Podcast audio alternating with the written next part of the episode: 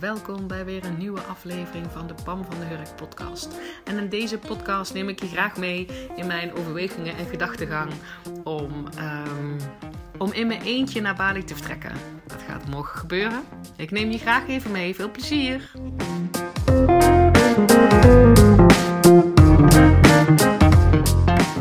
Nou, morgen is het zover. Na bijna 19 jaar stap ik weer eens in mijn eentje in een vliegtuig om een verre reis te maken. En ik heb er echt super veel, super veel zin in. Koffer is ingepakt. Ik ben er klaar voor. Uh, en omdat ik best wel wat uh, vragen krijg van, goh, hoe, hoe kom je daar nou bij? En uh, wat is de gedachtegang daarachter? Denk ik, weet je wat? Ik ga er een podcast over opnemen. En niet om mezelf te verantwoorden, dat niet. maar wellicht zijn er gewoon meer mensen die ergens een diep verlangen voelen en allerlei beren op de weg zien om dat, uh, dat verlangen dan gewoon niet na te gaan.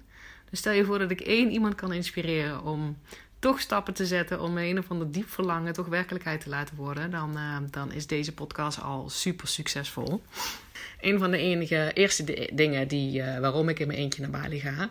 Als kind al had ik een verlangen dat ik um, sowieso in elk werelddeel geweest wilde zijn. En nou had ik er dan dus echt vijf in mijn hoofd. Amerika, Europa, Azië, Australië en Afrika. En laat het nou net ik nog nooit in Azië geweest zijn. Dus in de andere werelddelen wel. En deze niet. Dus dit verlangen, zeg maar, dat ik, dat ik de wereld wilde zien, zit, zat er echt als kind al in. Ik vond vliegtuigen ook fascinerend. Ik heb zelfs een tijdje stewardess willen worden, omdat ik gewoon in dat vliegtuig wilde stappen en de wereld wilde zien. Dus, uh, nou ja, dat vijfde werelddeel, dat wil ik nou wel eens, uh, wel eens gaan bekijken. Ik heb trouwens pas gevlogen toen ik, voor de eerste keer toen ik 14 was. En de tweede keer, de eerste keer 14, was met mijn moeder en mijn zusje naar Portugal, kan ik me herinneren. En de keer daarna was ik 22 en ging ik in mijn eentje naar Amerika om uh, daar af te studeren. Dus het is helemaal niet zo dat ik als kind veel gevlogen had, maar dat diepe verlangen, ergens die nieuwsgierigheid. Ik wil al die vijf werelddelen en zou dat ooit lukken? Ja hoor, uh, ik, ik vlieg morgen voor het eerst naar Azië. Dat is het eerste waar ik. Uh, waar die overweging zeker, zeker, zeker weten vandaan komt. En dan ten tweede, zo'n reis maken in mijn eentje, dat past bij mij. Vind ik dat spannend? Jazeker. Um, ik heb namelijk een man en twee zonen uh, die ik dus thuis achterlaat. Um, zonder dat ik daar, uh, zonder angst of zo. Ik heb er alle vertrouwen in dat ze het helemaal goed maken met z'n drietjes. Um, dus ik vind het, en ja, dus ik vind het wel spannend om na al die jaren um, weer in mijn eentje op reis te gaan. En ik doe het omdat het wel bij me past. Zoals ik dat verlangen inderdaad als kind al heb, al had. Heb ik, heb ik twee, twee van mijn kernwaarden zijn. De eerste is vrijheid. En inderdaad in een vliegtuig stappen en naar reis gaan. Zeker in mijn eentje. Geeft mij een enorm gevoel van vrijheid.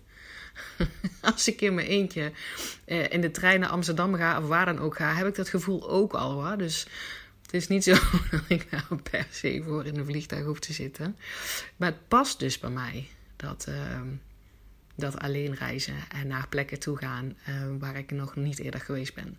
Dus en uh, het reizen alleen al, het gaat helemaal niet om de bestemming, maar het reizen alleen al, dat past helemaal bij waar ik, waar ik zeg maar, ik voel me dan enorm, enorme vrijheid ervaar ik dan.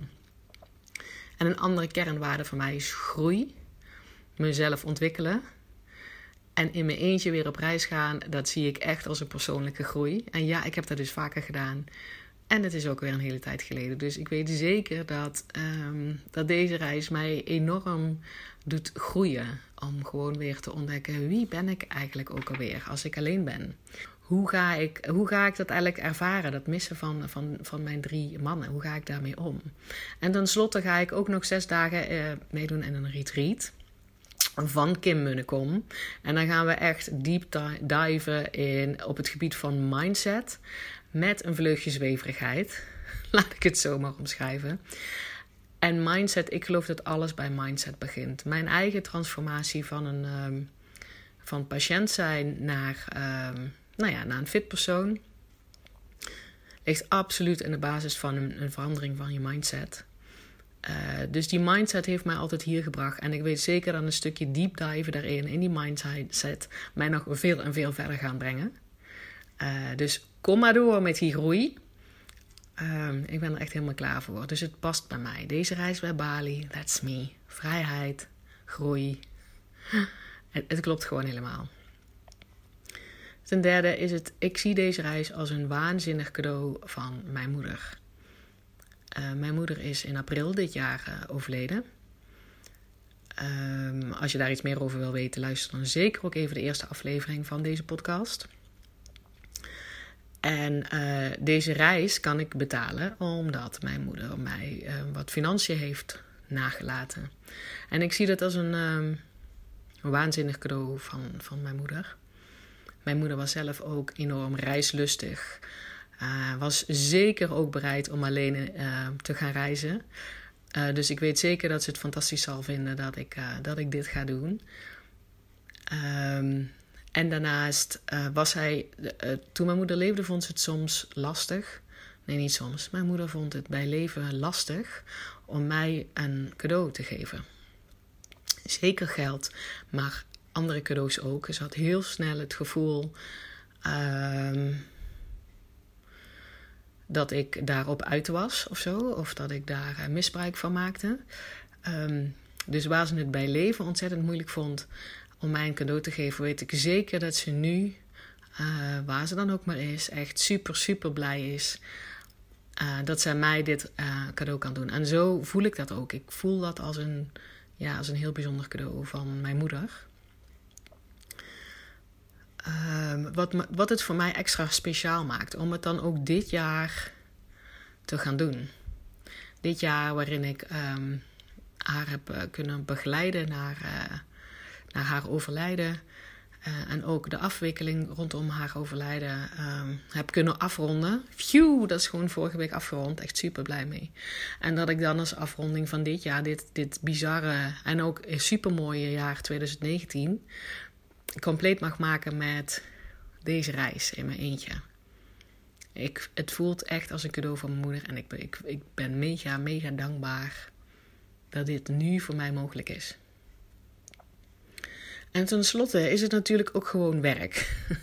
nee hoor, ik ga, gewoon, ik ga gewoon vakantie vieren en misschien werk ik ook wel. Maar wat ik bedoel is dat uh, met mijn uh, methode makkelijk in slaap... geloof ik dat je overal kan slapen. En hoe cool is het dan dat ik dit nu zelf weer eens eventjes in de praktijk mag brengen in een vliegtuig? Want ik weet dat er heel veel mensen zijn die niet makkelijk slapen in een vliegtuig. Um, en ik ben daar ook eentje van. Of in ieder geval, het is niet dat je mij daar neerzet en ik, ik, uh, ik val in slaap. Ik heb ook moeite omdat ik dan, um, ja, nou ja, niet, niet makkelijk kan liggen. En dat er allemaal mensen om me heen zijn. Um, en misschien mijn gedachten niet tot stilstand kan brengen. Dus hoe cool is het dat ik gewoon weer een casus heb om makkelijk in slaap te testen bij mezelf. Ik weet trouwens zeker dat ik ga slapen hoor. Ik maak me daar helemaal niet druk om. Uh, maar ik kan wel nog eens eventjes heel stap voor stap um, gaan ontdekken hoe ik dit doe. En, uh, en wat er dan gebeurt. En welke hobbels je dan te nemen hebt. En ten tweede heb ik gewoon een vet tijdverschil. Het is in Bali uh, zeven uur later dan hier in Nederland. Dus ik heb een jetlag. Of niet, natuurlijk. Maar ik, ik zit wel met het tijd, tijdsverschil. En ik weet dat er heel veel mensen zijn um, die problemen hebben met een tijdverschil. En zeker zeven uur. Dat je daardoor helemaal uit je ritme raakt. En dat je s'nachts in bed ligt terwijl je voor je gevoel klaar wakker bent. Um, en andersom natuurlijk. Dat je overdag heel erg moe bent. Omdat het voor je gevoel s'nachts is. En hoe je dat zeg maar weer kan shiften. Dus dat zijn twee ontzettende gave casussen voor mij. Uh, om nog eens eventjes precies de puntjes op de i te zetten. Hoe ga je slapen in een vliegtuig? En hoe val je weer in slaap, ook al heb je een jetlag? En pas je je zo snel mogelijk weer aan, zodat je weer in een eigen slaapritme zit. Dus dat. Een combinatie van een vette reis. Van een diep verlangen wat ik als kind al had. Um, van iets wat helemaal bij me past. De vrijheid van reizen en mijn eigen ontwikkeling. Uh, een waanzinnig cadeau van mijn moeder.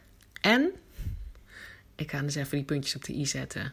In twee hele speciale situaties voor makkelijk in slaap. slapen in een vliegtuig en dealen met een tijdverschil, jetlag. Oké, dit was het voor nu. ik ga gewoon morgen vliegen. Ik neem jullie graag mee. Wil je mij volgen? Van wat doet ze nou in Bali? Volg me dan even op Instagram. Bam van Hurk. Ik ben in ieder geval van plan om vet veel te gaan vloggen.